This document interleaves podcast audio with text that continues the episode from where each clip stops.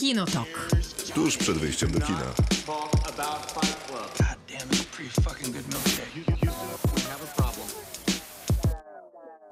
Krzysztof Majewski. Maciej Stasierski. Jesteśmy kinotokiem, audycją i podcastem, który na antenie Radioram w poniedziałki między 22 a północą, a we wtorki wszędzie tam, gdzie słuchacie podcastów. Chyba, że coś się stanie i we wtorki akurat podcastu nie ma, co nam się ostatnio zdarzało dosyć często, za co serdecznie przepraszamy. Ale chyba możemy powiedzieć już dlaczego. Naprawdę? Czy nie możemy? Nie, zrobimy to w mediach społecznościowych. Okej, niech będzie. No dobra, pomyślimy jeszcze o tym. Do końca programu jest dużo czasu, więc y, do przemyślenia. Inna sprawa. Nie ma Miłki. tak, dalej nie możemy utrzymać pełnego składu. No nie ma miłki rzeczywiście. Ten okres wakacyjny może trochę potrwać u nas, mam takie wrażenie, bo za tydzień też jej nie ma. No myślę, że wrzesień jest trudny. Sierpień zresztą też nie był łatwy. Lipiec był pod górkę. Wracamy do czasów. Myślę, że wrócimy do siebie, kiedy będzie październik. Tak, wtedy ja idę na urlop. Kiedy ja w końcu pójdę na urlop? A ja nie wiem, no, Mm. kiedy tam masz w planach. No właśnie. Plus jest taki, że filmy wróciły. Do kina? Trochę. No byliśmy na jednym przed chwilą. Tak, to prawda. Myślę, że już teraz przynajmniej po jednej premierze kinowej będzie, więc to na to można liczyć. A ja zaraz do Gdyni też jadę, więc może... Nie, nie, może... zanim do Gdyni pojedziesz, to Wenecja się skończyła. Tak, skończyła się i wygrał, wygrał dokument Lory Poitras i teraz zapomniałem All the Beauty and the Bloodshed. O, przypomniałem Tak jest, tytuł. angielski tytuł, e, polskiego jeszcze nie pamiętam. E, a jest już? Jest. Coś E- tam krew i coś tam jeszcze. Laura Poitras, przypomnę, zdobywczyni Oscara za dokument o Edwardzie Snowdenie Citizen 4. No właśnie, to ważne, że to dokument, bo po raz pierwszy od 2013 roku nagrodzony dokument na festiwalu w Wenecji Złotymi Lwami. Damian Kozur też wyróżniony w e, Tak, jest tam taka, Horyzonty, Horizonti. tak, taka, sekcji. taka sekcja, którą można porównywać do tego, czym jest ten Regard w Cannes, czyli taka druga co do ważności sekcja i tam nagroda specjalna dla Damiana Kocura za jego debiut Chleb i Sól, który też będzie można obejrzeć zaraz na festiwalu w Gdyni. Damiana Kozura, którego lata temu poznaliśmy jeszcze na festiwalu e, Spektrum. Tak jest. To- I ostatnio to odkryłem. Tak, tak, też byłem zaskoczony, że to ta sama osoba. Kiedyś na Spektrum, w Świdnicy rozmawialiśmy, e, dzisiaj w Wenecji odbiera nagrody. Tak, no ciekawe generalnie te nagrody. E, Jury pod przewodnictwem Julian Moore e, rozdało te, rozdało te, te nagrody dosyć porówno filmom. No chyba dobrze przewodniczyła Julian Moore, mam wrażenie. Dużo debiutantów się pojawiło w nagrodach. Na to wygląda, dużo debiutantów, ale też, ale też mocne nazwiska. Film Luki Guadagnino dostał nagrodę za najlepszą reżyserię. Mm, nagrody aktorskie odebrali Kate Blanchett i Colin Farrell. Więc y, myślę, że też sezon Oscarowy trochę się w tym momencie rozpoczął de facto y, tymi właśnie nagrodami, no bo chyba z, z marszu stają się faworytami do nominacji. Całe to piękno i krew. Y, Tak się nazywa dokument Lory Poitras, tak. Tak, dobrze. dokładnie tak. W ogóle to był chyba dosyć mocny festiwal, jeżeli popatrzeć tylko na konkurs główny, bo pewnie sporo osób ostrzy sobie też zęby na blondynkę Drew Dominika. Nowego Gawrasa pewnie też jest nadal silna grupa, która czeka. Jafar Panahi to też y, człowiek, z którym poznaliśmy się chociażby przy okazji ostatnich Nowych Horyzontów. Florian Zeller z nowym filmem, Darren Aronowski z nowym filmem. I Alejandro González Iñárritu. Tak, ale to jest coś, co akurat cię nie cieszy, tylko martwi. Nie, nie, bardzo mnie, cie, uprzedzony. bardzo mnie cieszy, że się nie udało. No bo ma nie najlepsze recenzje. Dobry festiwal, te filmy będą powoli do nas trafiać. Oczywiście większość z nich najpewniej będziemy recenzować. Czekamy na American Film Festival. Myślę, że myślę, że część z tych filmów na pewno na festiwalu amerykańskim będzie można obejrzeć. Coś czuję, że Luca Guadagnino, tak jak w przypadku Call Me By Your Name i Suspiri, może na ten festiwal właśnie trafić. Teraz w Stanach Zjednoczonych skończył się festiwal, który nie wiem jak się nazywa. Telluride. Tak, i tam był film o Robercie Downeyu Jr. i o Robercie Downeyu Seniorze, którzy To były opowiadają... dwa różne filmy? Nie, to jest jeden film. A. I panowie w tych filmach ze sobą rozmawiają. I uwaga, ponoć jest świetny. No, z amerykańskich festiwali to generalnie raczej dobre są wieści, bo czytałem też recenzję. Ostat... W sobotę była premiera najnowszego filmu Stevena Spielberga The Fablemans, który Tak, widziałem e, taki artykuł, który w lidzie albo w tytule miał Wszyscy wielcy filmowcy robią o sobie film, dlaczego Spielberg miał go nie zrobić? Tak, i wygląda na to, że Spielberg zrobił najlepszy z tych filmów, bo... O jacie, jaki szok. Spielberg znowu zrobił najlepszy film. No ale Spielberg, Taki mie... zdolny. Spielberg miewał te gorsze momenty swojej kariery. No, Jeżeli ktoś mówi, że jego gorszym momentem jest Ready Player One, to się nie zna. No to prawda, zgadzam się z tym. Bardziej bym się tutaj doszukiwał tych gorszych momentów przy okazji albo No niczego. właśnie, Ale Spielberg jest w na, na The Fablemans czekam bardzo. Myślę, że tam mówi się o Oscarze dla Michelle Williams w końcu, więc już ona długo już czeka. Nie, żebym ja jakoś specjalnie czekał, ale jak, A na Oscar jak tak świetnie Williams zagrała, to proszę bardzo. Nie, nie, w ogóle. Dlaczego? No, no nie wiem, no jakoś nie czekam. No, no to niedobrze. Jeszcze na Bombek z Białym Szumem był na festiwalu w Wenecji w konkursie głównym. To Jakie, też co to jeszcze? Raz? Biały Szum, A tak, no Bombak, tak jest, rzeczywiście. Też Tak. dobre recenzje zebrał. to prawda. Więc Na Netflixie będzie ten film z kolei. jak, jak to już znałem Bambakiem Jest. bywa. Mhm. Takie, to, takie to czasy, takie to warunki.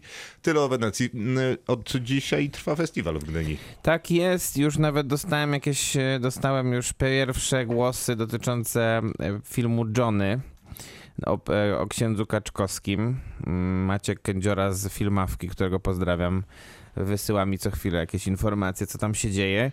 I ponoć Johnny jest znakomitym filmem. Czekaj, Johnny, bo Janek Pelczar z Radia Ram, który też No. jest na festiwalu, zdaje się, że też mi pisał coś o Johnnym. Ale coś złego, czy... Na pewno, ale nie wiem, czy to był ten film. Jep, O Johnem, tak? no zachwycony nie był. Nie był zachwycony. Ja widzę, że widzę, że no to zdania są chyba podzielone, bo, bo Maciek pisał dobre rzeczy same i że Dawid Ogrodnik jest dokła- wspaniały. dokładnie tak jest. Jeżeli jedna osoba uważa, że coś No jest tak, niedobre, a druga, że dobre, Ale- to zdania są podzielone. No tak, no tak to trzeba zrobić, tak to trzeba tutaj e, podsumować. No jak, jak inaczej mam to zrobić? Ale ponoć Damian Kocur, jego chleb i sól, y, całkiem, całkiem. No chyba powinno być Ja dobre. spotkałem się nawet z takim cytatem, który mówi, że to najlepsze crowd-pleasingowe polskie kino, jakie powstało. I takie, co to widza ma wprawić w dobry nastrój. Jaki film? Crowd-pleasingowy. Ale który? Chleb i sól. A nie, to ja słyszałem o Johnem z kolei coś takiego. Ale w, tych- w tych słowach? Tak, dokładnie w tych słowach. Okej, albo ja, albo ty pomyliliśmy tytuły najwyraźniej. Ja wiem, No to... widzisz. Okej, okej, to było ciekawe. Y, Maciej, ty jedziesz i na co sobie ostrzysz zęby? Y, Na chleb i sól na pewno i na pewno na kobietę na dachu Anny Jadowskiej z Dortą Pomykałą w roli głównej. Film premierował się w Nowym Jorku. y, Tam zebrał recenzje, bo powiedziałbym, że takie recenzje. Różne? W sensie raczej nie najlepsze? Nie, na- nie najgorsze, takie wypośrodkowane. Myślę, że Dorota Pomykała jest e, fawor- jedną z kandydatek do nagrody dla najlepszej aktorki pewnie. To jest ciekawe, bo dopiero co grała w filmie nominowanym do Oscara. W krótkometrażowym filmie. No, ale jednak film nazywał się Sukienka, miałem przyjemność z nią krótko rozmawiać, ale nadal nie uważam tego za rozmowę. No ciekawe, czy Dorota Pomykała e, po, po latach kariery, która polegała raczej na e, graniu trzecich, trzecioplanowych ról w serialach, teraz jak dostała od Anny Jadowskiej pierwszy plan, to, to sobie poradzi. Anna Jadowska potrafi aktorki prowadzić, no bo poprzedni Może film, erotikę przypomnę.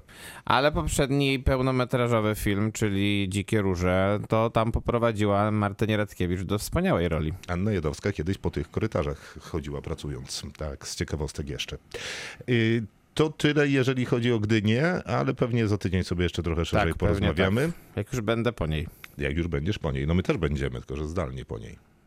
Zgadza się, natomiast my dzisiaj opowiemy o jednym filmie, który będzie w konkursie gdyńskim. To na sam Olbrzymim koniec. y, konkursie głównym w Gdyni. Tak, 20 filmów w konkursie Gdyni, w Gdyni rzeczywiście. Jednym z nich są Głupcy Tomasza Wasilewskiego, ale to taką wisienkę na torcie chyba Tak, zrobimy. To na koniec przypomnę tylko jeszcze, że chociażby Broad Pig jest pokazywany w ramach e, festiwalu w Gdyni, a to takie duże i obiecujące kino. A też jest pokazywany teraz na przedpremierowych pokazach w kinowych Horyzont. Tak, to też jest prawda. Dlatego jutro się to- wybieram, żeby, żeby nie musieć tracić slotu w Gdyni. Dla wszystkich, którzy mają z, z tym problem, my też mamy z tym problem, że festiwal w Gdyni pokazuje tak 30% premier, Tak. I, I filmy inne, Dokładnie. które już większość pewnie widziała. Dobra, tyle o tej Gdyni. Faktycznie na koniec y, robimy głupców, ale na początek robimy kłamców, bo to będzie nasze w robocie. O nie o kłamców, kłamstwa w filmach i serialach pytaliśmy, więc najpierw rozmawiacie wy, czyli wasze głosy z Facebooka Kinotok Podcast, gdzie zapraszamy na piątkowe w robocie. Tam właśnie pytamy o różne motywy filmowe i serialowe, a następnie nasze głosy y, o kłamcach, a później kłamca naczelny z długim nosem, drewnianym. Drewnianym, czyli Pinokio. Albo Najświe- jak chce Tom Hanks. Pinokio!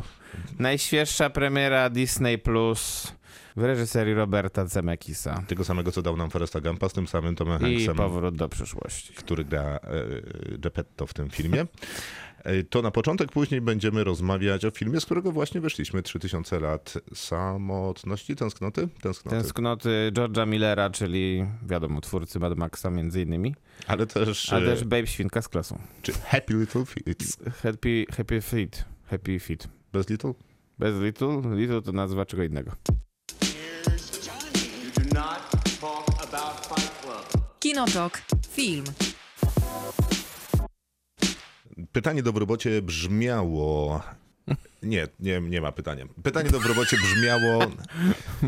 Ale ja myślę... Nie postawiłeś jednoznacznego pytania. W robocie po pierwsze jest cyklem, który pojawia się w piątki na naszym Facebooku. Pytamy o jakieś filmowo-serialowe coś. Tym To cosiem, było w sobotę w tym razem. tak, tym cosiem były kłamstwa tym razem. Mhm. Najróżniejsze filmowe i serialowe.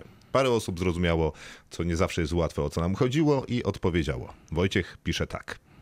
W temacie kłamstw typuje Kłamca, Kłamca z Jimem Carreyem. Serial Wielkie Kłamstewka. Właściwie każdy film Guya Ritchiego, gdzie każdy chce wykiwać każdego. A z filmu Mroczny Rycerz pasuje tu sfingowana śmierć komisarza Gordona. Pani komisarzowa nie była zadowolona, gdy Gordon żywy stanął w drzwiach domu. Tak. Tak. I kłamca, kłamca też muszę wykreślić. Ja wykreśliłem właśnie Wielkie Kłamstewka. A, do tego się spodziewałem akurat, że ktoś pi- pier- przy pierwszym komentarzu myślałem, że będą. Przy jakim komentarzu? Pierwszym. A pierwszym. Przemyślenie maniaka pisze I mean i załącza udany plakat Kłamstewka.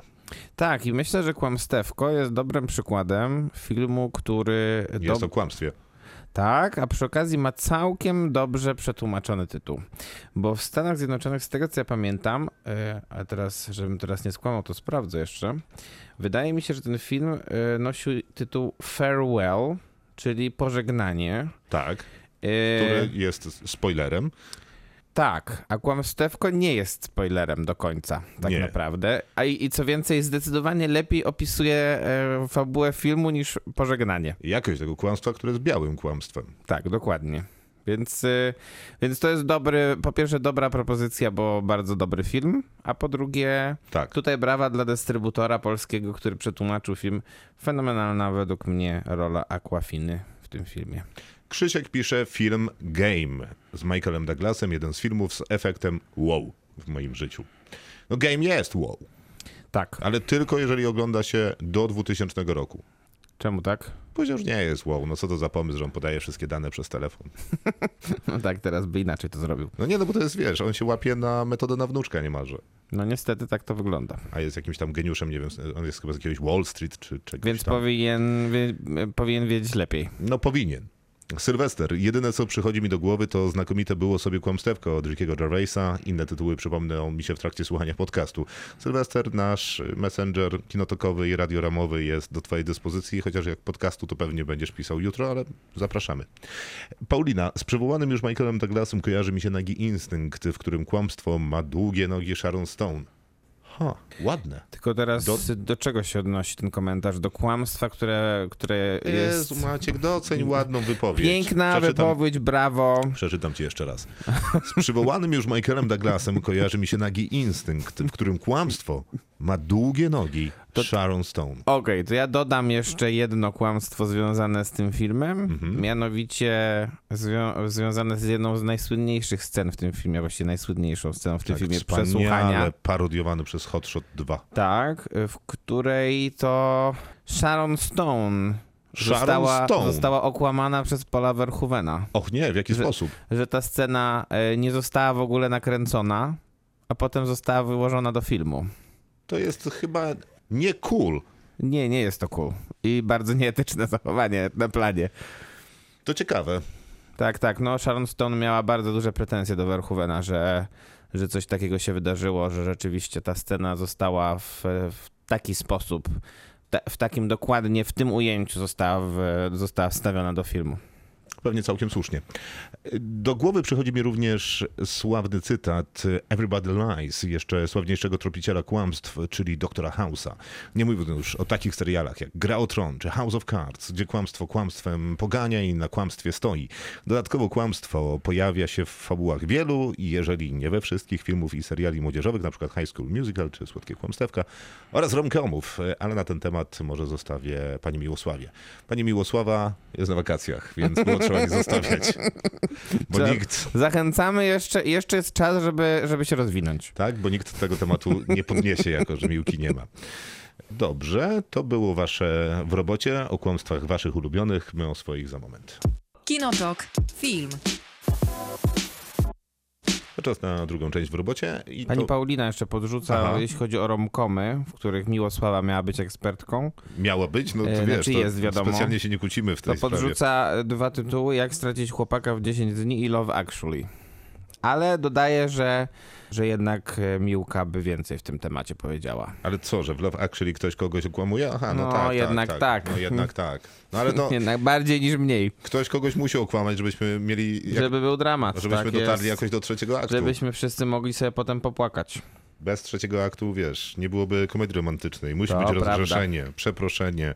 Musisz pisać I na, na kartonie rzeczy. 20 lat później dowiesz się, że w zasadzie to jesteś stalkerem. I to prawda. Ale wciąż jakie to urocze. Nie, Jakie są, nie, nie. Krzysztofie, twoje filmy dotyczące kłamstwa? Paulina, czekaj, jeszcze pisze, tylko na Jeszcze? innym messengerze, bo mamy dużo. O kurczę. Że jeżeli chodzi o filmy z kłamstwem, to może koneser. Koneser. Tornatore. U, to nie widziałem nigdy. Ja też nie. Mm, Dzięki, Paulina. To jeszcze musiałaby się rozwinąć o czym? Y, może, ale to tak, to zachęcamy, gdyby wyjaśnić, na czym to kłamstwo polega. I nieznajoma Tornatore też. A nieznajomą to chyba akurat widziałem, tylko że Nieznajoma to widziałem, to nie było dobre. No ale dobra, ale może się wpisuje w Ale w temat w kłamstwo robocie. jest na pewno. Mhm. Tak, tak, tak, dobra, dobra, dobra. Jest, więc nieznajomą zaliczamy. Do konesera może zaliczymy, jak dowiemy się więcej. Tak. Bo jakoś się złożyło, no co, to, co, gdzie to oglądać. No, także e, co do moich filmów o kłamstwie, miałem Big Little Lies, ale nie mam. Ale mam film, który, na, znaczy serial, który nazywa się Lie to Me. W ogóle nienawidzę tego y, tematu w robocie. Kompletnie mi nie szło i nie miałem żadnego pomysłu. A Ale co mu wymyśliłeś? to ty wymyśliłeś. A poza tym on by się sam narzucał przez to Pinokio, więc A, no. Tak, dobrze, ale pomysł jest twój i nie mów, że Okej. mój, bo rośnie ci nos. Lie to Me to serial z Timem Rothem, A taki procedural chyba. procedural, który w ogóle okropny, nieznośny i fatalny. Mm. On jest, wiesz, mistrzem odgadywania tego, że ludzie kłamią, ale dlatego, że on widzi na przykład mikro, I współpracuje z jakąś policją.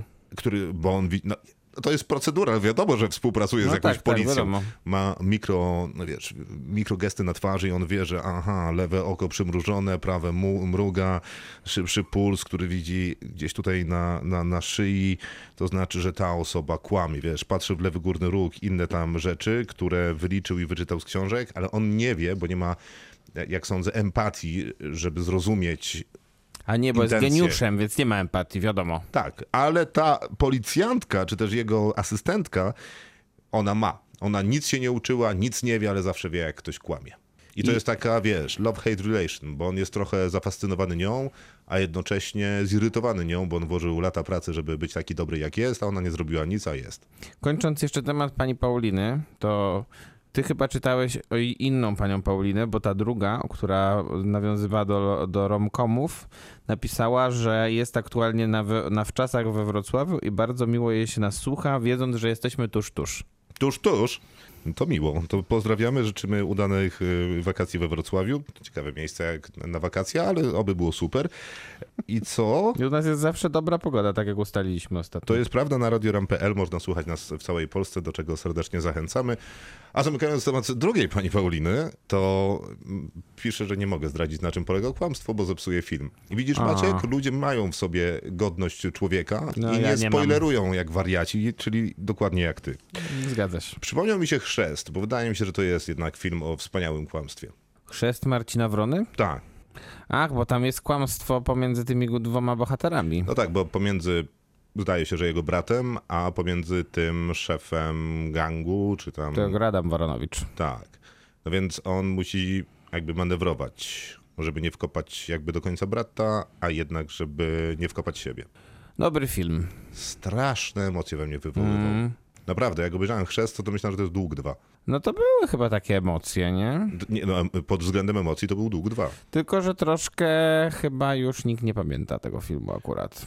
To jest ciekawe. Yy, No w ogóle szkoda, że yy, Marcin Wrona yy, odszedł, bo zrobił filmów trzy Trzy. i wszystkie są świetne. Tak, ja tego debiutu do dzisiaj nie widziałem z Erykiem Lubosem, natomiast chrzest był bardzo dobry, rzeczywiście tam Adam Woronowicz po prostu mroził krew w żyłach. A Demon to w ogóle uważam, że jest jeden z najlepszych polskich filmów ostatnich lat. Yy, Nie uważaj tak odważnie, bo chyba robiliśmy najlepsze filmy dekady polskiej. Nie wiem, czy miałeś tam demona. Jeden z najlepszych mógł być w 40 jednych z najlepszych. Było tak dużo dobrych polskich filmów. Czyż nie? Tak, Wybroniłem się chociaż trochę? trochę tak. W demonie grała Agnieszka Żulewska, prawda? Grała w, w Demonie, tak, pannę młodą. Totalnie się zakochałem. Mam nadzieję, że słucha. Wynalazczyni Dolina Krzemowa w kropli krwi to film o Elizabeth Holmes. Yy, Ciekawy film, bo To opowiada... jest tytuł, przepraszam? Bez Elizabeth Holmes, to jest A. tytuł. Czyli Wynalazczyni Dolina Krzemowa w kropli krwi. I to jest ciekawe, bo to jest y, ta, taka historia o fake it until you make it. Nie wiem, czy takie jest dokładnie to powiedzonko. Bo ona przychodzi do Doliny Krzemowej i mówi, że ma takie czarne pudełeczko i to czarne pudełeczko, jak się do niego wsadzi palec, to pobiera kropla krwi i z tej kropli krwi robi się pełną diagnostykę. Tak, tak, tak, słyszałem o tym. No, e, no i To wszystko... chyba ona nie siedzi za to przypadkiem? Czy Tak, siedzi, coś siedzi. takiego? Mhm. Albo, albo może już wyszła i teraz ma jakąś inną formę kary, ale faktycznie została skazana. Natomiast ciekawe jest to, że ona wiedziała, że tego urządzenia nie ma, czy też, no dobra, urządzenie może Że w jakiejś nie tam działa, formie było, tak ale nie działa, mówiła. ani trochę podobnie do tego, jak działa. No i kiedy jeździła na pokazy, to faktycznie pobierała krople y, krwi, a następnie tę kroplę krwi zabierali do jakiegoś laboratorium i tam badali przez dwie godziny, a ona ludzi zagadywała, a później wracały wyniki i voilà, wielkie odkrycie. Ale mówię o tym angielskim. Jak długo to trwało? Długo, bardzo Mm. długo. I ona bardzo dużo pieniędzy na to zebrała. Wow. Ale to jest ciekawe, no bo gdzieś tam w tym dokumencie wybrzmiewa taka myśl, która mówi o tym, że nowe startupy, wiesz, projekty genialne, które mają zmienić świat, są bardzo głośno przedstawiane, no, opowiada, opowiadane w pewnej narracji, w pewnej, pewnej prawdzie, że to oto jest i to zmieni świat, po to, żeby zebrać kasę od inwestorów. I nie jest No do tak. końca pewne, czy Elizabeth Holmes miała pewność tego, że ona tego nie ma, nigdy nie zrobi, tylko chce wyciągnąć kasę, bo raczej z dokumentu wybrzmiewa takie przekonanie, że ona była pewna, że dzięki tej kasie, którą dostanie, bo ta opowieść jest tak wspaniała i będzie tych pieniędzy miała tak dużo, zatrudni tak dużo naukowców, specjalistów, fachowców, że no prędzej czy później się uda. Przypadkiem nie powstał też jakiś już, jakaś już fabuła na ten temat? No był ten serial Netflixa, ja myślałem, że to jest o niej, a to chyba nie jest o niej. Ten Inventing Anna to nie było nie. Tak, tak, ja Mhm. myślałem, że to jest o niej, ale to jest e, inny fake crime. Bo Tak, tak, tak. True crime nam się znudziły, teraz mamy fake crime. Zresztą z takich fake crime'ów całkiem niedawno pojawił się dokument, ale nie widziałem go jeszcze na żadnym polskim streamingu, widziałem gdzieś w sieci, że jest zapowiedź z kolei o kobiecie, która wymyśliła kryptowalutę y, i namówiła bardzo dużo ludzi na to, żeby tę kryptowalutę, w tę kryptowalutę zainwestować, no bo to wspaniałe, wiesz, będziemy wolni od banków, no w ogóle wszystko jest dobrze, nikt nie będzie pobierał od nas prowizji, stanowimy o własnym życiu, tworzymy je. W A, no wszystko jest dobrze, wspaniale. Tej dobrze, pani już nie ma, natomiast jest gdzieś bogata sama. Dobrze mi się wydawało, żeby jest ten. Jest taki, ser, jest taki miniserial dostępny zresztą na Disney Plus, mm, który się nazywa Dropout z Amandą Seyfried. I ona właśnie gra Elizabeth Holmes. No dobra, to by się. Świeżynka to jest z tego roku. A sama Holmes. stara, dobra zabawa, czyli jedna platforma robi dokument, a druga platforma na ten sam temat robi fabułę. Uwielbiam podział licencji w- pośród platform streamingowych obecnie. A, a sama Elizabeth Holmes czeka na, na wyrok. A czeka na wyrok? Tak, czeka na A wyrok. myślałem, że była skazana, to ciekawe, że Nie, tak jeszcze nie czeka. jest skazana, natomiast no, pewnie, pewnie jakieś solidne zarzuty ma, bo, bo czeka chyba w izolacji, że tak powiem. Wiesz co, no, kolejka tych, którzy chcieliby e, pieniądze od niej odzyskać, albo chociaż, żeby wymierzono jej sprawiedliwość, podejrzewam, że jest długa. A młoda kobieta, 38 lat, niesamowite. E, No, a już A już przerobiła takie tyle kasy, zrobiła. co nie zobaczysz nigdy na oczy. E, kłamstwo. Jeżeli chodzi o film o kłamaniu, e, o Kłamstwo bezczelnym to jest dobry tytuł kłamaniu, na film o kłamaniu. Mhm. to film nazywa się Kłamstwo. Denial to jest angielski tytuł. I Ach, wiem co to. tak, film z Rachel Weisz, który opowiada no, skandaliczną historię, w której ona oskarża je, pewną postać o to, że, że kłamie na temat Auschwitz, a on następnie mówi, że no to mi udowodni, że kłamie. A to wynika z, ten paradoks wynika z tego, że zabiera ją przed brytyjski sąd, a tam Tam jest proces o zniesławienie, a nie o kłamstwo święcimskie. tak jest, więc ona udowadnia. bardzo ciekawe. Bardzo jest to ciekawe. I ona udowadnia, że Auschwitz istniało. A ten człowiek się nazywa David Irving, ten, który uważa, że... Dosyć celowo pominąłem nazwisko. A, rozumiem, to przepraszam. nie, no E, już nie szkodzi, takie intencje. e, e, On jest jednym z takich niestety najbardziej notor, notor, notorycznych kłamców oświęcimskich, którzy uważają, że nie było w ogóle komór gazowych. Tak, dokładnie. y, Ta historia do obejrzenia na jednej z platform streamingowych. Polecam film, może nie jest wybitny, ale sam temat jest Ale dobry taki jest. E, No. Sądowo jest bardzo dobry, Czelwa jest znakomita. i kręcony w Polsce, więc Mhm. może dla kogoś będzie to zachęta. Od razu mi to przypomina sprawę ze Stanów Zjednoczonych, niedawno zakończoną. Tam też taki głośny proces z człowiekiem, który poddawał wątpliwość strzelaninę w szkołach, w wątpliwość. Też został skazany, e, a to z uwagi na to, że rodziny dzieci, które faktycznie zginęły w tych strzelani- strzelaninach, go w końcu pozwały. No i został Ach, tak, racja. e, zasądzone jakieś wielomilionowe odszkodowanie w tej Tak, sprawie. tak, tak. Co też było e, w kraju wolności słowa nieskończonej niemalże było dosyć ciekawym procesem. No tam była bardzo duża dyskusja na ten temat, czy rzeczywiście w ogóle powinno się go sądzić, bo jeżeli... No, ale dyskusja jest zakończona, bo się go sądziło i skazało. E, Co tam Maciej? To ja mam chyba jakieś takie milsze tytuły niż te twoje, bo... Ja nie, ma, nie masz czegoś jak niewinne kłamstwo. No, ale ja mam takie bardziej chyba gatunkowe, bo na przykład jest taki film, który kocham yy, i się nazywa Pani Doubtfire. A okej, Jest to okay. też... z Tomem Hanksem, Nie, z Robinem Williamsem. z Robinem Williamsem. Tak, tak, tak, niestety. tak, oczywiście. Yy, w którym e, Robin Williams gra męża Sally Field i oni się rozwodzą, a on, e, jako że chce mieć jednak, chce móc, mieć możliwość spotykania się z dziećmi, które są z tego małżeństwa, no to przebiera się za szkocką nianię, która się nazywa Eufegenia Doubtfire. No i e, jest to wspaniała rola i rzeczywiście, no myślę, że można to uznać za film o kłamstwie, no bo on jednak oszukuje e, przynajmniej swoją byłą żonę w zakresie takim, że po prostu udaje kogo innego. Jest to mocno naciągane. Dlaczego? Był taki film... A nie, dobra, nieważne. A co tam jeszcze masz? Mam jeszcze taki film. Ym, mam jeszcze film, który się nazywa Wątpliwość. Kojarzysz? Tak.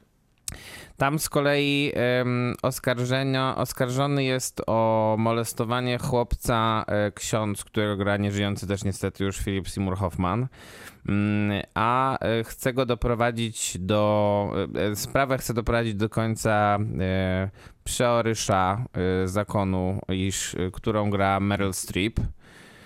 I jest... Czekaj, tam nie gra Judy Dench? Nie, tam gra Meryl Streep.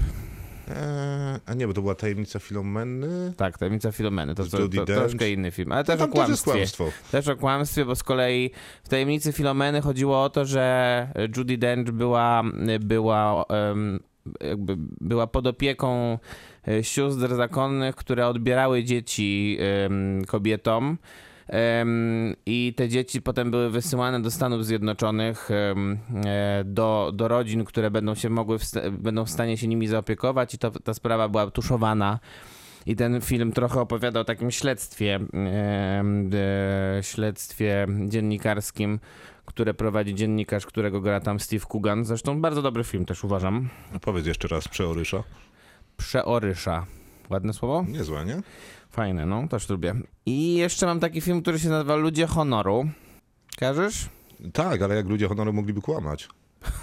No tam, tam niestety głównym kłamcą jest e, pułkownik e, Jessup, którego gra niezrównany w tej roli Jack Nicholson. A, no oczywiście. I jest to naprawdę chyba jedna z najbardziej ikonicznych scen amerykańskiego kina lat 90., kiedy w sądzie do atakującego go Toma ja, Cruza ja, ja mam gdzieś ten dźwięk wycięty. Jest chyba właśnie, a on nie jest przypadkiem w ten, w czołówce? Nie wiem, No ale on krzyczy do niego You can't handle the truth. ale faktycznie to krzyczy. Krzyczy. No, a, dużo- Jack Nicholson umie krzyczeć. Tam jest zresztą dużo dobrych, y, y, k- dobrego krzyczenia, bo tam Tom Cruise przecież też chyba przesłuchu, przesłuchując jedną z postaci krzyczy na nią bardzo No wyraźnie. zresztą też krzyczy na Nicholsona w tej samej scenie, więc, y, więc jest to tam, jest to dobry film, a Pełen jest to krzyku. dobry film pełen krzyku, a kłamstwo polega na tym, że ginie jeden z żołnierzy, którego, który jest podopiecznym e, Nicholsona. E, No i ta sprawa też jest w jakiś tam sposób mocny tuszowana przez, e, przez dowództwo ze względu na to, że e, prawdopodobnie dowództwo zastosowało tak zwany code red, czyli czyli, facet, czyli po prostu mm, usunięcie człowieka i kocenie go, tak nie wiem czy to można tak powiedzieć, w armii. Fala. Fala, dokładnie. Okej, to... I to są moje tytuły. No i bardzo dobre tytuły. Bardzo dziękuję. Za moment y, Pinokio. Będziemy sprawdzać, czy to jest dobry tytuł. Bardzo utytułowanego reżysera, znakomitego aktora. You do not talk about Fight Club. Kinotok. Film. Maciek, Tak? czy znasz może taki mało znaną historyjkę o małym chłopcu, który był drewniany, ale jeżeli udowodniłby, że jest odważny, współczujący i dobry, to mógłby zostać prawdziwym chłopcem? No coś mi się obiło uszy. Ten film, zdaniem Toma Hanksa, nazywa się Pinokio! Ja bym powiedział, że, że to jest tak Pinokio! Cóż to za kino było? Na Disney Plus dostępny jest nowy 897 Pinokio. Co ciekawe, w tym roku jeszcze będzie 898, Nie mogę się doczekać. bo reżyseruje Guillermo del Toro i będzie to animacja. Inna sprawa, że teraz naprawdę nie mogę się doczekać, No, bo Guillermo prawda? del Toro całkiem niezłe rzeczy robi, a akurat historia o Pinokiu, jeżeli tak się to odmienia, w jego rękach brzmi dobrze. Inna zabawna sprawa jest taka, że dopiero co wróciłem z Gamescomu z Kolonii, to jest taki e, duże targi gier, żeby nie powiedzieć olbrzymie, i tam została zapowiedziana gra o złym Pinokio. Mm. Ale wracając do tego filmu, który będziemy recenzować, to w rękach Roberta Zamiakisa też nie powinna źle brzmieć ta historia teoretycznie. Człowieka, tak który dał nam Foresta Gampa? Tak, Foresta Gampa, kto robił Królika Rogera, Powrót do przyszłości, trzy części. Jeszcze parę filmów dobrych Robert Zemeckis zrobił. To nie jest zły reżyser. Nie, to jest świetny reżyser. Mia, ma też bardzo dobrą obsadę w Pinokio, ponieważ ma Toma Hanksa i w zasadzie moglibyśmy postawić Wystarczy. kropkę. Który jest stworzony do zagrania Geppetto, czyli takiego, takiego urokliwego, miłego, starszego pana. ze swoimi wariactwami, ładnie. No więc... które czynią go tylko bardziej uroczym. Dodat, w dodatku ma Disneya, który prawdopodobnie powiedział, ile taczek pieniędzy pan sobie życzy, to dowieziemy. A propos, ile tych taczek dowieźli? Dużo tych taczek dowieźli. Wiesz, czego nie dowieźli? Nie dowieźli scenariusza Nie, donieśli, nie dowieźli w ogóle całego filmu. i jakości. To jest jakaś I absurdalna... ogólnie jest to żenada. Tak. tak totalna żenada. Nie, no tak, film jest absolutnie nieznośnie fatalny. W sensie, kto wymyślił, że będzie opowiadać Pinokio najpierw w 20-minutowej scenie, w której Tom Hanks po prostu w Nie, jednym... wi- nie no, co robi? Nie wiadomo, w jednym pokoju w pi, piżamie i szlafmycy biega od ściany do ściany, mijając się tam z magicznym konikiem polnym, opowiadają Którego sobie... dubbinguje e, Joseph Gordon-Levitt. Tak, opowiadają sobie historie na zmianę, jakże urocze i wspaniałe. Co więcej, e, oni nie wiedzą o swoim istnieniu. Nie, nie Więc wiedzą. to też jest zabawne, Mimo, że bo Gordon-Levitt, czyli ten e, Hipolit coś tam... coś tam, mówi do kamery. Więc łamie, łamamy, łamiemy jeszcze czwartą ścianę. Tak, co jest mi potrzebne, żeby było bardziej słodko i bajkowo. Jest tam kotek, który czasami śpi na stole, ale Kotek czasami Figaro. śpi w swoim posłaniu. I jak ten film może być autentyczny? W sensie, co, jaka tam jest prawda ekranu, skoro najwyraźniej Geppetto wystrugał mu miejsce do spania i ułożył poduszeczkę i ten kot tam śpi. Żaden kot tak nie robi. Co więcej, jest to najlepsza scena tego filmu. Jak kot śpi? Nie, ogólnie ta A, scena. Tak, to prawda. Cała pierwsza scena. Bo później to już jest tylko gorzej. Znaczy, pojawia się jeszcze wróżka niebieska. Niebieska wróżka, którą gra Cynthia Erivo, musiałem ci to dzisiaj uzmysłowić, bo nie zauważyłeś. To jest najgorszy make-up, efekty specjalne, reżyseria, coś tam, coś tam, coś tam na świetnej aktorce i efekt jest, no lekko mówiąc, żaden. Bo chyba ktoś naprawdę zapomniał, którym klawiszem robi się cięcie, jak montował ten film, bo zapomniał, że ta scena nie musi trwać 5 minut, kiedy ona rozmawia z Pinokiem w, taki, w tak, tak porywających dialogach, jak na przykład jestem wróżka niebieska. A on Od- jestem wróżka niebieska. Ona mówi, jestem wróżka niebieska. A on mówi, jestem wróżka niebieska. Ona wtedy stwierdza, aha, czyli jest jakiś problem i wtedy macha różdżką i już on odpowiada, e, jak ona mówi, jestem wróżka niebieska, to on mówi, witaj wróżko. I uwaga, to dalej pierwsze 20 minut, które są najlepsze z tego filmu. Dokładnie. Bo później następują tak zwane przygody. Nie, nie, nie, to się nazywa rzeczy. Gdzie, tam się dzieją E, Staw. rzeczy. Tak, dokładnie. Staw. Czyli tak, idzie do szkoły, ale nie dociera do szkoły, więc spotyka Lisa, który śpiewa też jakąś piosenkę, bo trzeba przypomnieć, znaczy trzeba powiedzieć, że Nie, nie, trzeba się... są tutaj piosenki. Bo człowiek oglądając ten film po 40 minutach zorientuje się, że być może to nie jest tylko film. Bo to jest musical. To też jest musical. I są piosenki. Co być może jest jednym z największych problemów tego filmu, ponieważ piosenki są okropne, śpiewane są po 14 sekund i, I w sprawiają, ogóle się nie da ich zapamiętać. i sprawiają wrażenie, jakby no na przykład nikt tych piosenek nie masterował. Brzmi Nie, to trochę tak, absolutnie. jakbyśmy zaśpiewali teraz piosenkę i stwierdzili, że okej, super, robimy taki raw materi- materiał i wrzucamy go na płytę. Zastanawiałem się, czy na przykład e, na liście moich życzeń urodzinowych, nie wiem, czy jakichkolwiek życzeń, Tak, kupię ci tę ścieżkę jest, dźwiękową. e, jest to, żeby usłyszeć, jak Tom Hanks śpiewa i nie jest to na mojej liście. Nie, to nie jest na ni- niczyjej liście. To nie powinno być na liście Zemeckisa i nie powinno być na liście Toma Hanksa, a śpiewa i jest to zupełnie niepotrzebne. W ogóle ta rola to jest takie smutne, bo Tom Hanks jest wybitnym aktorem Jest. i najlepszym z ludzi świata i jeżeli kiedykolwiek padną na niego jakiekolwiek oskarżenia, To będziemy go bronić. jest to możliwe i będzie nam też smutno na pewno bardzo, yy, no bo przecież Tom Hanks na prezydenta świata, ale no to jest niepoważne, co z nim robią. On resztę filmu spędzi po tym, jak już pośpiewa i tam postruga tego swojego Pinokia, to on będzie biegał po całym świecie przedstawionym z akwarium w ręce z rybką, mewą na ramieniu, a przy okazji na łódce. Nie bardzo wiadomo, co on na tej łódce robi, bo film nie zawraca sobie głowy takimi rzeczami, jakby nam, żeby nam tłumaczyć, co on robi na łódce. Znaczy wiemy, że szuka Pinokia, ale czemu na łódce? Trudno powiedzieć. E, No wiadomo, że e, wypłynął, bo... Bo musi go zjeść wieloryb. No. Tak, właśnie. Musi go zjeść wieloryb i musi zjeść też Pinokia. Chociaż ja wyda- mi się zawsze wydawało, że to inaczej jednak było. Nie, nie, tam historia jest jakaś tam poprzesuwana, nie wiem, no pojawiają się jakieś tam Bo ciemne, jest mroczne pan, istoty. jest jeszcze Gdzie pan jest wróżka? Stromboli. Gdzie jest wróżka, która w oryginale daje mu chleba z masłem i fasolki z bułką tartą? Nie, kalafiora. To, ogólnie to tak. Później Wszy- przez 20 lat jadłem kalafiora i z chlebem i z masłem byłem zachwycony, bo U, przeczytałem super. w Pinokiu. Wszyscy krzyczą do ekranu, to też jest nieznośne bardzo. Wszyscy aktorzy krzyczą, Wszyscy są też źli. wszyscy są fatalni W też. sensie nie, że to są złe charaktery, tylko fa- źle, grają. tak, dokładnie. Tom Hanks niestety tutaj nie jest wyjątkiem. Y, Więc y, no, mam wrażenie, że tutaj nic się nie udało. A poza tym, To, i są jest takie nudy! straszne, dokładnie chciałem to powiedzieć. Trwa to godzinę 45 minut, a można, a ja to oglądałem na 4 razy. Naprawdę nic się tu nie dzieje. Wcale nie za ładnie to też wygląda według mnie. W sensie niektóre rzeczy są udane, ale niektóre rzeczy wyglądają na najgorszy green screen. Wcale ten Pinokio nie jest ładnie zrobiony.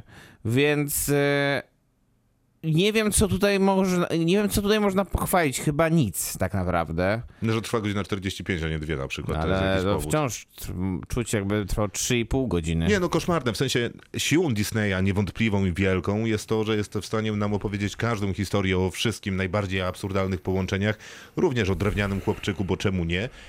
A po drodze nauczyć nas pięciu rzeczy, wzruszyć siedem razy, zaśpiewać taką piosenkę, że będę ją śpiewał przez następne 20 lat, a jak będą napisy, to będę bił brawo na zmianę ocierając dłońmi y, łzawiące oczy. Efekt jest taki, że ocieram łzawiące oczy, bo naprawdę zmarnowałem dwie godziny życia i nigdy bym się nie spodziewał, że powiem coś takiego w w filmie- fabule, live actingu Disneya. Jeszcze Zemeckisa i Hanksa. No przecież to było sprzedane. W sensie ten film w momencie, w którym to podpisali, był wygrany. No właśnie, oni go zepsuli. Ja myślę, że go głównie zepsuł jednak Robert Zemeckis. Ja też tak będę go obwiniał tamtemu E, filmowi. i- Ja daję w temu filmowi jeden. Tak, ja też mu dam. No chciałem mu dać dwa. Dobra, dam mu dwa. Kinotok. Film. 3000 lat tęsknoty. Reżyseruje George Miller. Na swoim koncie ma rzecz jasna Mad Maxa, ale też Happy Feet czy Babe Świnka w mieście. Jeden z swoich ulubionych filmów, jak wiemy. Babe Świnka w mieście? Babe Świnka w mieście. To druga część jest. Ja też lubię. No. ale Babe też. Tak, oczywiście. Super. Scenariusz powstał na bazie opowiadania S. Bayat, brytyjska pisarka. Historia jest prosta. Pani profesor od historii podczas konferencji w Stambule kupuje pamiątkową butelczynę. W środku siedzi dżin, a ten dżin ma trzy życzenia do zaoferowania. Problem Jak po... każdy dżin. No jak to dżin? Problem polega na tym, że pani profesor życzeń nie chce, ale chce poznać historię dżina, bo ona jest y, historiolożką. Narracjolożką nawet Jeśli też. wolisz. Wszystko w pokoju hotelowym w szlafrokach na dwoje aktorów Tilda Swinton i Idrisa Elbe. Jakże to łatwa by była historia. I cóż się mogło nie udać? No zdaje się, że... Nie wiem, to trudne pytanie. Czekaj, że jak? Że cóż mogłoby się nie udać? Tak. Gdyby co? No, ten, ten zestaw jest dobry całkiem na papierze. Idris Elba... George Miller, Idris Elba, Tilda Swinton. Tak, no bo to jest taka aktorów. trójka. No, No, no, no, no. mocna trójka dość. Znaczy mnie zaskoczył ten film, bo obejrzałem... Zaskoczył cię pozytywnie? Zaskoczył mnie formalnie, ponieważ obejrzałem trailer i spodziewałem się takiego bombastycznego kina, że będziemy skakać z miejsca na miejsce i, No właśnie. i ten Jean będzie inkarnacją Willa Smitha i będzie rzucał żartami i śpiewał na zmianę. No właśnie. I jakże się ucieszyłem, że tak nie było. Ucieszyłeś się? Tak. A ja W sensie się jednak znudziłem chyba. Zaskoczyło mnie, że można opowiedzieć taką historię na dwoje aktorów zamkniętych w hotelu ubranych w szlafroki, bo to jest zupełnie inny sposób opowiadania historii niż A. Spodziewałem się, B. Taki film jest niemalże skazany na realizację. No dobra, ale czy te retrospekcje, bo generalnie bardzo dużo jest tutaj oparte na retrospekcjach, bo, no bo Jean, grany przez Idrisa Elba, opowiada swoją historię, a właściwie kilka historii. Tak. Tutaj z jednym Bo to jest takie chyba najjaśniejsze sultanem życzenie innym. dwóch osób. George'a Millera, żeby opowiadać historię, wrócić, his- oddać historię siłę. No i to jest życzenie Tildy Swinton, która zmusza Gina do opowiadania historii, aż jej się zachce wypowiedzieć życzenia. Bo powiem szczerze, ja nie mam żadnych pretensji do tych części, w których oni są razem na ekranie. Uważam, że bardzo dobrze współgrają na ekranie. Tilda Swinton jest wspaniała. Jest to tak zwana uczta. Tak, natomiast y, no mam spory problem z tymi retrospekcjami. One są tak dla mnie zupełnie z innego filmu. One są bardziej z tego filmu, który był w trailerze i dlatego pewnie, ja dlatego pewnie byłem zaskoczony tym, w jaki sposób na przykład tempo tutaj jest narzucane, a właściwie go nie ma. Bo e, to jest zupełnie inny film niż dotychczasowe filmy George'a Millera, w których jednak e, nawet, nawet jak to było, nie wiem, Olej Lorenza, czyli taki film bardzo, bardzo mocny, bardzo społeczny, mm, no to one były opowiadane z taką werwą. Tutaj tej werwy tak trochę mi zabrakło. Tu nie ma werwy. Ale jest taki niewiarygodny poziom melancholii, Jest. takiej magicznej baśni albo chociaż dobrej historii opowiadanej, wiesz, przyciszonym głosem. No dobra, tylko ognisku. pytanie, czy to jest dobra historia w tych retrospekcjach? To zależy, bo y, mam takie y, wrażenie graniczące z pewnością, że to jest taki niemożliwie literacki film i trudno mi sobie wyobrazić, że, że się go nie ogląda z takim delikatnym uśmiechem z zachwytu i zadowolenia. Jednocześnie mogę sobie to wyobrazić, bo ten film źle wygląda, bo ta opowieść y, która jest snuta przez Gina i Tildę Swinton, głównie przez Gina, kiedy zabiera nas w różne rejony świata przez tysiące lat, jest większa od obrazka. Niespodziewanie tanio wygląda ta historia, No niestety. niestety. I, to, I to chyba bardzo mocno wpływa na odbiór. mm, Mając w pamięci chociażby to, jak wyglądał Mad Max, który wyglądał bosko, naprawdę. Tak, był taki bardzo analogowy. Tutaj te efekty komputerowe trochę nas wybijają z tej baśni. Są trudne do zaakceptowania, moim zdaniem. E, Tak, natomiast ja nie mam specjalnej wątpliwości co do jakości opowiedzianej mi historii. I podoba mi się to, jak spójny jest ten film w tym, że Miller, e, wybitny opowiadacz historii w różnorakich światach, no bo przecież potrafi nam dać tankowane wysokooktanową benzyną kino w postaci Mad Maxa, przecież przygotowuje już następnego, a z drugiej strony może nam opowiadać o śwince z klasą. I to się łączy w jednym uniwersum tego człowieka, który zresztą karierę przecież zaczął bardzo późno, w- późn- później niż my żyjemy, bo w późnych latach swoich trzydziestych. I udało mu się z, z, jakoś tak trochę być może podsumować y, tę naszą współczesną historię opowiadania historii, opowiadając swoją, słowami Gina na dwóch świetnych aktorów, których moim zdaniem poprowadził wspaniale. Sama opowieść Gina wydaje mi się ciekawa, a te wątki, których dotyka, czyli chociażby ta opowieść o tym, że to, czym zajmuje się Tilda Swinton, mówi, że wasze pradawne opowieści o tym, że jak był piorun, to znaczy, że to Bóg Thor i wszystkiemu przypisywaliśmy historię, a teraz przypisujemy tego naukę, a kiedy przynosimy się z Jeanem i Tildą Swinton do współczesności i widzimy i obserwujemy naukę, to sama Tilda Swinton tę naukę opisuje, jakby to była rzecz magiczna, e, albo baśniowa, to to jest jeden z wielu ciekawych pomysłów, które w tym filmie się pojawiają i mi się podobają, a jednocześnie jest opowiadany jak Księga Tysiąca i Jednej Nocy. No dobrze, to trochę mnie przekonałeś. Cieszę się. Chociaż wciąż wydaje mi się, że mm, te, te wszystkie, te wszystkie, chyba trzy, wydaje mi się takie największe mm, sceny retrospektywne jednak trochę psują efekt. W sensie jakby, jakby nie Bo to miał... są trzy, histori- trzy historie wielkich miłości Gina. Tak, i one trochę są długie. Są długie. I, I to jest chyba główny problem, bo jakby one by Nie, głównym problemem jest to, że fatalnie wyglądają. źle wyglądają, ale znaczy, też... może nie fatalnie. To jest nie, takie może nie fatalnie, ale proste, użyteczne CGI, ale nie ma w tym magii. nie wyglądają najlepiej, szczególnie w kontekście tego, że wiemy, że George Miller powinien po prostu to zrobić lepiej. Chyba, że chciał tak zrobić, to, tego, to tej decyzji po prostu nie rozumiem. Wydaje mi się, że ona jest po prostu błędna, jeśli chodzi o artystyczną, e, artystyczne tutaj e, wybory. Mm, Natomiast y, jakby rzeczywiście 75% tego filmu to były rozmowy pomiędzy, y, pomiędzy Idrisem Elbą a Tildą Swinton. Ale właściwie są. Oni przecież przez... No ale ta, ta 80% proporcja nie jest chyba tak jednak idealna. Nie, no okej, ale przez 80% filmu Idris Elba albo Tilda Swinton mówi. Zgadza się, W sensie tylko, to jest że, gotowy materiał. tylko że mówi też w ofie jednak. Tak, i... mam takie wrażenie, że gdyby zgrać ten film i umieścić jako słuchowisko na antenie ramu, to ludzie by płakali w domach. Ja bym płakał. No, ja też bym płakał, bo jak się słucha takich aktorów, y, jeszcze w bardzo wysokiej formie, tak jak powiedziałeś, no bo tutaj nie ma... Mówiący, Mówiących pięknie o miłości. To to śpiewał. Tilaf się mylił. Jednak mówią pięknie o miłości. Bo tutaj nie ma co do, nie ma, nie ma wątpliwości, że oni są naprawdę w bardzo wysokiej formie. Nie, to piżama porno i nikt tak pięknie nie mówił, że się boi miłości. Sorry, sorry. Ale byłeś blisko. Byłem blisko, Nie, tak. nie, oddajmy szacunek, że byłeś blisko, czapka z głowy mimo wszystko. A, dzięki. E, wracając, myślę, że e, dla mnie to jest taki, jak to się mówi po angielsku, mixed bag trochę. W sensie jest w tym filmie bardzo dużo rzeczy, które bardzo można pokochać. Myślę, że ta relacja, która też się tworzy na tym ekranie pomiędzy nią a nim, czyli pomiędzy panią profesorką a, e, a Jeanem, jest e, zaskakująco czuła i zaskakująco taka realna, mimo że, mimo że Jest spotyka... absurdalnie Nie, nierealna. jeżeli już absurdalnie nie może być realna, prawda? No bo ona. Ale jakie jest... ładne jest to jej pierwsze życzenie. A które to jest pierwsze? No zgadnij, no to, że ona... A, tak, tak. To już wiem, dobrze. To jest właśnie pierwsze. Aczkolwiek- I zaznaczam, aczkolwiek- nie prosi o pieniądze, życie Nie. wieczne, Ani- ani... więcej życzeń. Na wszystkie te trzy pytania film udziela odpowiedzi. Aczkolwiek uważam, że to ostatnie też jest przepiękne, bo wyka- pokazuje jej niesamowitą mądrość em, i świadomość jakby tej sytuacji, która, w której się znajduje. I myślę, że to akurat, myślę, że zakończenie tego filmu jest idealne. Tak, to E, prawda. To jest w ogóle bardzo dobry tekst. Bardzo tak, dobry tekst. Natomiast no. Gdyby nie było tych średnio udanych retrospekcji, to pewnie dałbym wyższą ocenę. Biorąc pod uwagę, że te średnio udane trzy retrospekcje to jest jakieś 80% filmu, to możesz mieć pewien problem. Natomiast Mogę. ja podejrzewałem, że będą tacy ludzie jak ty. Tacy bez serca? Czy... Tak, ta, nie czuli, do których piękne, melancholijne kino, gdzie w sposób naprawdę ładny i ustami bardzo zdolnych aktorów mówi się o miłości, do ciebie nie trafi.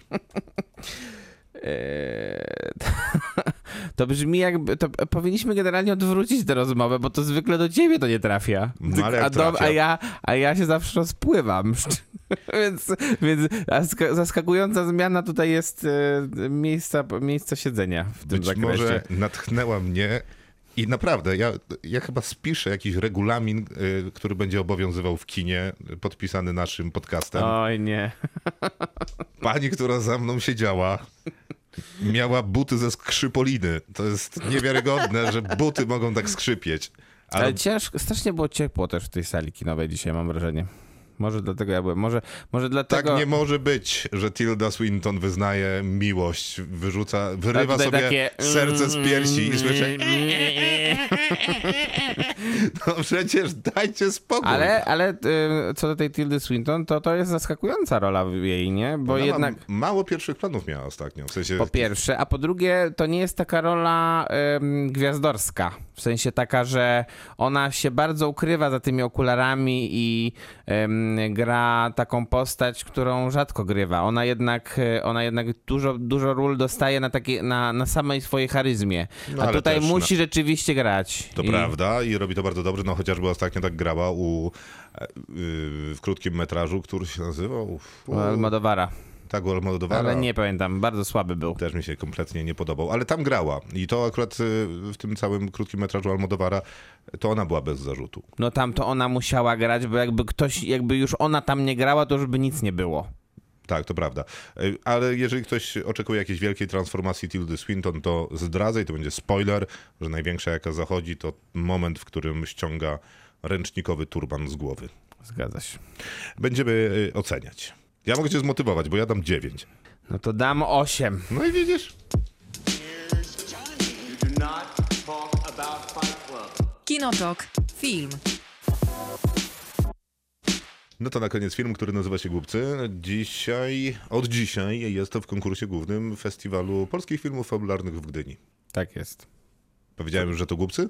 Powiedziałeś, że Głupcy w reżyserii Tomasza Wasilewskiego, reżysera, który trochę nam kazał czekać na swój kolejny film. 8 lat? Dobrze chyba naliczyłem. Chyba tak, bo ostatni to były Zjednoczone Stany Miłości, film nagrodzony na festiwalu w Berlinie. Znakomity film, widzieliśmy go chyba... Znakomity film na festiwalu Nowe Horyzonty. Tak jest. Y, I wszystko tam było dobrze z tym filmem. Tak, i tutaj powraca też do tej znanej sobie przynajmniej części obsady z tamtego filmu, bo w Głupcach, tak jak w Zjednoczonych Stanach Miłości, Dorota Kolak, Łukasz Simlat i Marta Nieradkiewicz w troszkę mniejszej roli. No i powraca też do Katarzyny Herman, którą z kolei obsadzał w dwóch swoich pierwszych filmach, czyli w Sypialni i w Płynących Wieżowcach. Płynące wieżowce też, bardzo uznany film. To, co Tomasz Wasilewski, przepraszam, e, potrafi bez wątpienia robić, e, to to, że ma styl. I ten styl jest niezaprzeczalny, a to jest trudne być reżyserem i mieć tak wyrazisty styl, no bo proszę porównać sobie filmy pięciu polskich reżyserów i one tak z obrazka, jak popatrzymy na jeden kadr, no to trudno nam powiedzieć, że o, o, to jest, nie wiem, Marcin Wrona, chociaż z nim to akurat by się dało. Myślę, że z nim akurat tak. Więc ktoś tam inny. Natomiast jak się patrzy na Prawie prawie, styl że... zerowy często jest w polskim kinie. No właśnie, a Tomasz Wasilewski ma na tyle odwagi, żeby wymyślić siebie przez filmy i to doskonale widać w w Zjednoczonych Stanach Miłości, to doskonale widać e, wpływ... Płynących Wieżowcach. Żebym nie przerobił jak zawsze na pływające wieżowce.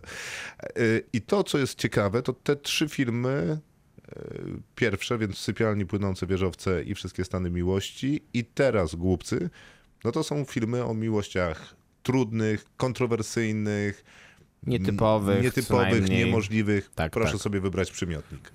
Tak, rzeczywiście. Pierwsze trzy były mm, e, powiedzmy. No nie można tego użyć, takiego stwierdzenia, więc nie powiem tego. E, ten najnowszy film na pewno jest najbardziej kontrowersyjny. I to też słychać, e, to też można wyczytać z wypowiedzi Tomasza Wasilewskiego, których się trochę pojawiło po premierze tego filmu. Po premierę miał na festiwalu w Karlowych Warach, a potem rzeczywiście zjechał do Wrocławia i pierwszy raz polskiej publiczności się pokazał też na Nowych Horyzontach.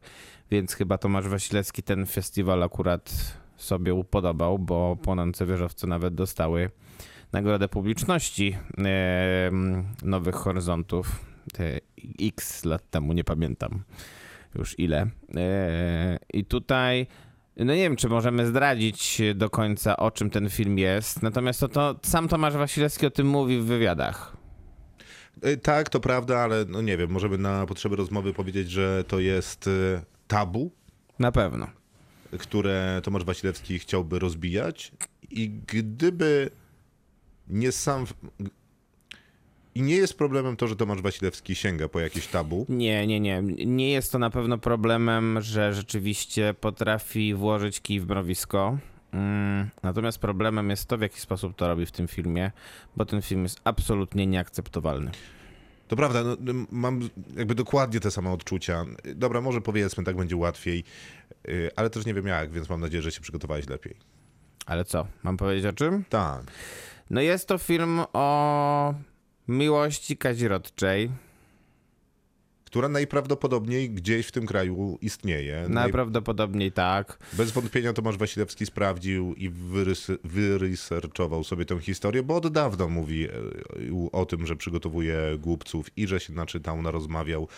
No więc był przygotowany do sięgnięcia po temat. A więc ludzie, którzy rzeczywiście w takich związkach żyją, żyją no generalnie, nie powiedziałbym, że na granicy prawa, tylko w, tak naprawdę w bezprawiu, no bo mm, takie związki są przez prawo e, z, z punktu widzenia e, prawa karnego zakazane. Jasne są, ale jednocześnie jako, że życie jest dziwną maszynerią, e, a układy społeczne jeszcze dziwniejszą, czasami jak widać rodzinne, to pewnie z wielu problematycznych e, sytuacji wynika to, że do takich związków dochodzi. Oczywiście. Rzadko pewnie ze świadomych decyzji, które, na których można wywieścić sztandar miłość. Tylko problem polega na tym, y, w kontekście samych głupców, że Tomasz Wasilewski sięga po ten swój, po ten problem, który sobie wybrał tutaj do opowiedzenia i traktuje go jako element scenografii. No tak, to jest wybitnie dobrze powiedziane, bo jeżeli by się nie chciało, to można stwierdzić, że ten film jest o wszystkim innym.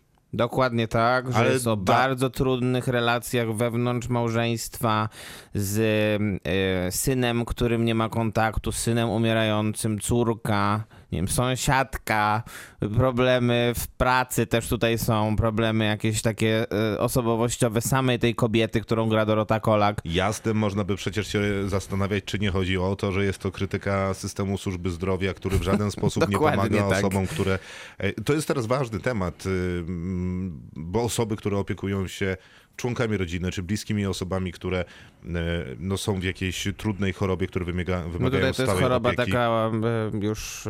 Też nie wiemy jaka, bo ona jest nienazwana. Nie wiemy, natomiast no, wygląda na stan taki, który wymagałby pomocy hospicjum prawdopodobnie. Tak, czy no taki 24 na, Tak, na, na dobę y, y, Człowiek jest pomocy. leżący, nie rusza się. Tak, więc teraz dużo mówimy przecież o opiece wytchnieniowej, że ona też jest potrzebna, że potrzebne są miejsca. Mówi się dużo o tym, że osoby są jakby mimo, że nawet jest możliwość skorzystania z tej opieki, to nie chcą z niej korzystać, bo są tak jakby już zamknięci w trybach tego swojego życia. Więc ja myślałem przez no dobre dwie trzecie tego filmu, że to jest historia o tym, że to jest historia o kobiecie, która będzie zmagać się e, z no, tymi początkami, wchodzeniem w te tryby, przyzwyczajaniem się do opieki nad ciężko chorą osobą yy, mm, i że Wasilewski tak sobie to wymyślił, że ta ciężko chora osoba wyje, bo to jest jedyny sposób Tak, komunikacji. tak robi to. Tylko, że po że 10 w tym minut tego momencie- wrzasku tak. stwierdziłem, że to już jest jakiś skandaliczny brak szacunku. Ej, to, to po pierwsze, że ale to po popada drugie... w śmieszność, że nie wiem, co, jaki efekt chce we mnie wywołać, poza tym, że coraz mniej lubiłem nawet jego wcześniejsze filmy. Tylko po pierwsze, tylko to jest jakby, to jakby połowa, połowa problemu wynika z tego, że on w taki naturalistyczny, turpistyczny sposób to pokazuje. Bo jak to się kończy, to nagle następuje totalny skręt fabularny w tym filmie, nie wynikający absolutnie z niczego. To zaznaczmy może też, że jakby ten fragment filmu, ta historia też się kończy mniej więcej w otu. No dokładnie tak. Po prostu nagle mamy, stwierdzamy, że trzeba coś w tej fabule zmienić, poustawiać inaczej klocki e, i, i nagle przechodzimy do zupełnie innej kwestii.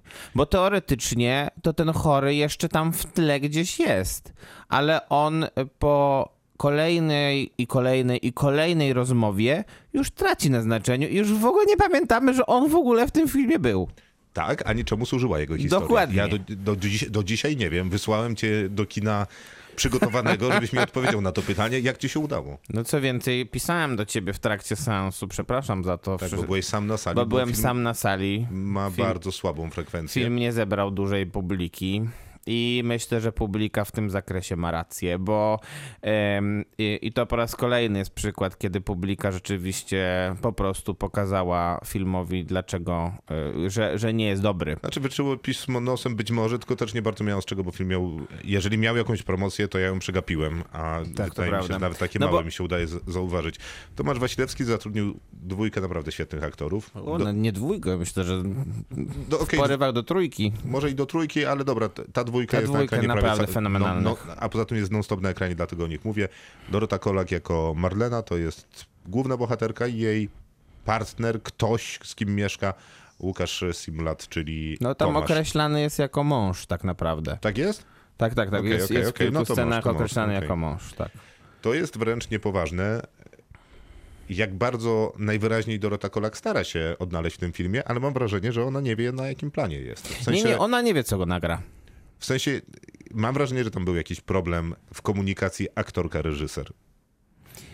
Y, No musiał być, bo y, nie da się teoretycznie, przynajmniej do, do, do momentu, kiedy nie obejrzałem Głupców, wydawało mi się, że nie da się źle poprowadzić Doroty Kolak. W sensie to jest tak wyśmienita aktorka, y, która no, pokazywała nam w każdym kolejnym filmie, że naprawdę jej granice i możliwości można przesuwać tylko. I ona naprawdę y, w tych rolach y, często, no często gra matki y, różnego rodzaju, w, różne, w różnych Tak, ale konfiguracjach. przejmująco zawsze działa. Zawsze działa. I to samo Łukasz Simlat. No Łukasz Simlat obok myślę, że Arkadiusza Jakubika to e, e, w takich rolach właśnie nie, niezbyt urodziwych mężczyzn, bo on nigdy nie będzie amantem ekranowym, ale mężczyzn takich niesamowicie charyzmatycznych i seksownych w pewnym sensie, to on nie ma sobie równych po prostu. To pokazał przecież w Rojście chociażby, e, w, czy, w, czy nie wiem, w Zjednoczonych Stanach Miłości też to pokazał w tej roli drugoplanowej, że on, tu, granic też żadnych nie ma i nagle em, dostajemy aktora, który jest jak dziecko we mgle w tym filmie. Zupełnie nie radzi sobie z tym, co ma napisane w scenariuszu i to i, i nie ma żadnej chyba komunikacji z reżyserem. Dobra, zostawiając już ten temat może aktorów na moment, Proszę bardzo. żeby jakby osadzić y, tych, którzy nad tym filmem się zastanawiają w jakiej rzeczywistości, to informuję, że nie bardzo się da.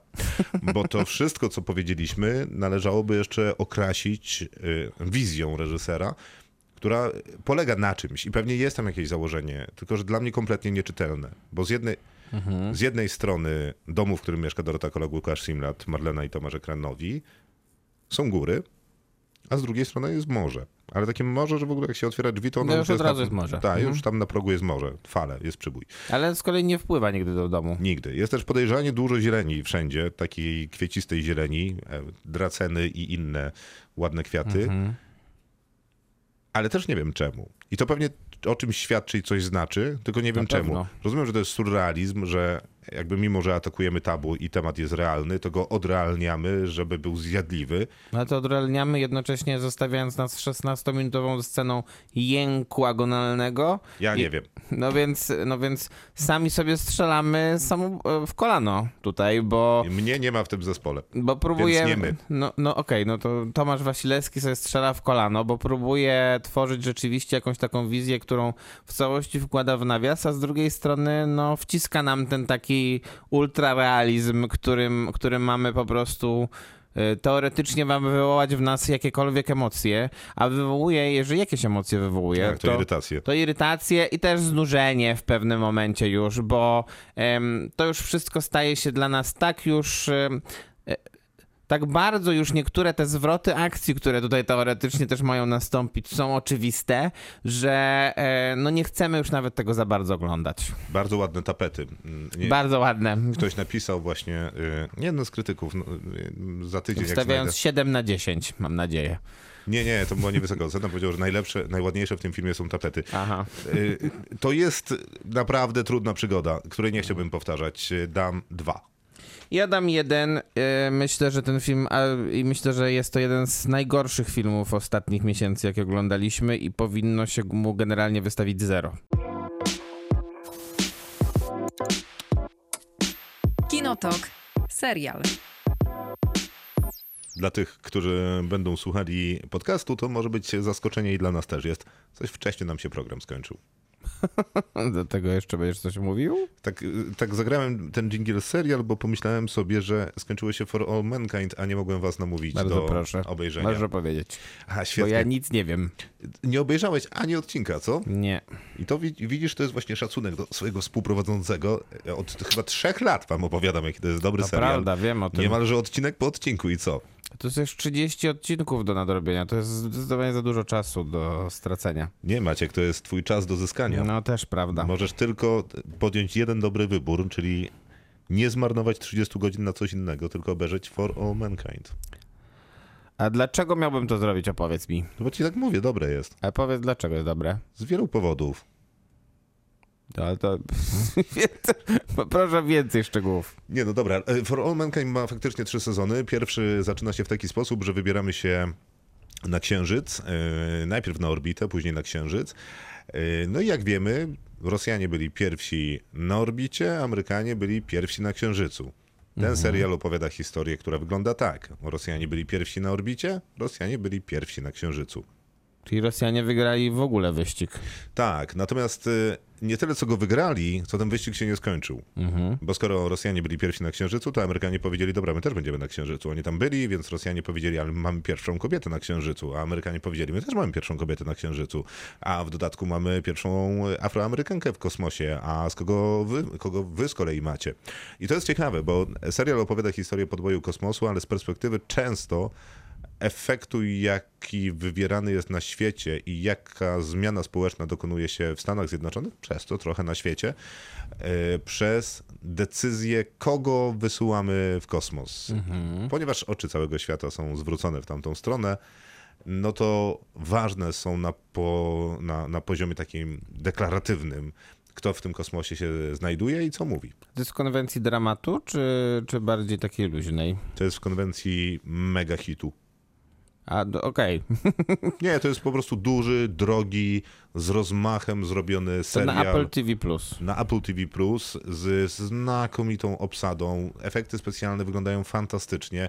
Wszystko tam jest dobrze, a przy okazji jest tam bardzo dużo rzeczy wrzuconych z prawdziwego wyścigu e, kosmicznego. E, zresztą teraz po trzecim sezonie pojawiły się specjalne dodatki, które opowiadają o nauce, która stała za przygotowaniem do serialu, co jest możliwe, co jest niemożliwe I co, będą kolejne? będą, dlaczego statek wyglądał tak, a nie inaczej. Pierwszy sezon to początek wyścigu kosmicznego, a później przenosimy się o kolejne dekady, więc trzeci sezon to są lata 90., a w trzecim sezonie to już nie bawimy się w jakiś księżyc, tylko jesteśmy na Marsie. Czyli już fantazja wchodzi. Y, No, ale taka fantazja, którą bardzo często opisują codzienne gazety teraz, wiesz. Elon Musk, Jeff Bezos w zasadzie przerzucają się, kto tam będzie szybciej na tym Marsie. E, Misja Artemis 1 dopiero co uziemiona, a przecież to miał być pierwszy krok z kolei do wykopywania Helu 3 z Księżyca, e, który for all mankind kopany jest na potęgę i zresztą prawicowe skrzydło w Stanach Zjednoczonych mówi, że no, musimy zmienić prezydenta, ponieważ on zabiera ludziom miejsca pracy przez ten Hel 3, nie, może, nie, ma po co wydobywać ropy, bla bla bla bla bla. To serio jest ta wypowiedź teraz? Okej, to zostawmy to, ale... W sensie e, serio w serialu. e, Jak rozumiem. Tak. Serial jest bardzo udany, jak rozumiem, Jest niemożliwie wręcz udany. Ale ale trzeci sezon, już nie jest tak niemożliwie udany. no nie, Troszkę już jest gorszy. jakby odrobinkę. A tak odrobinkę, że to pierwsze były 9 na 10, a ten jest 7 na 10, czy... Tak, tak, tak odrobinkę.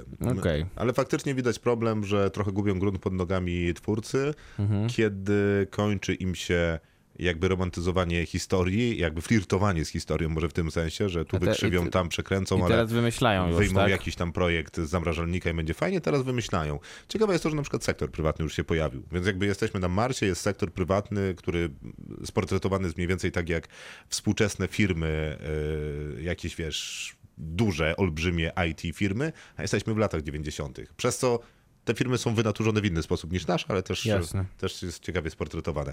No i jest tam Joel Kinnaman. To mam wrażenie, że to jest, U, to dobrze. to jest tak, jest tam Joel Kinnaman, kropka. A, czyli tak jest dobry. Właśnie wszyscy poszli oglądać. Nie, no wybitny jest ten Joel ja Kinnaman. też pójdę. No idź, idź, idź, idź. Trzeciego ci nie każe oglądać, ale pierwsze dwa to jakby... Mm. ale... Podziękuję. No ha, ha. Ale to wszystko na dzisiaj. Tak, to wszystko już definitywnie. E, Bardzo uprzejmie dziękujemy i bardzo serdecznie zapraszamy. Jesteśmy, Jutro opowiemy wam w końcu, o co nam chodzi. to prawda, e, a w międzyczasie jesteśmy na Spotify'u, wszędzie tam, gdzie słuchacie podcastów. Gdybyście kliknęli obserwuj na Spotify'u, to każda jedna dusza jest e, tam szalenie mile widziana i taką samą radość nam sprawia. Mm, Bardzo dziękujemy. A w przyszłym tygodniu moja korespondencja z Gdyni. Tak będzie. Dobranoc. Kinotok. Tuż przed wyjściem do kina.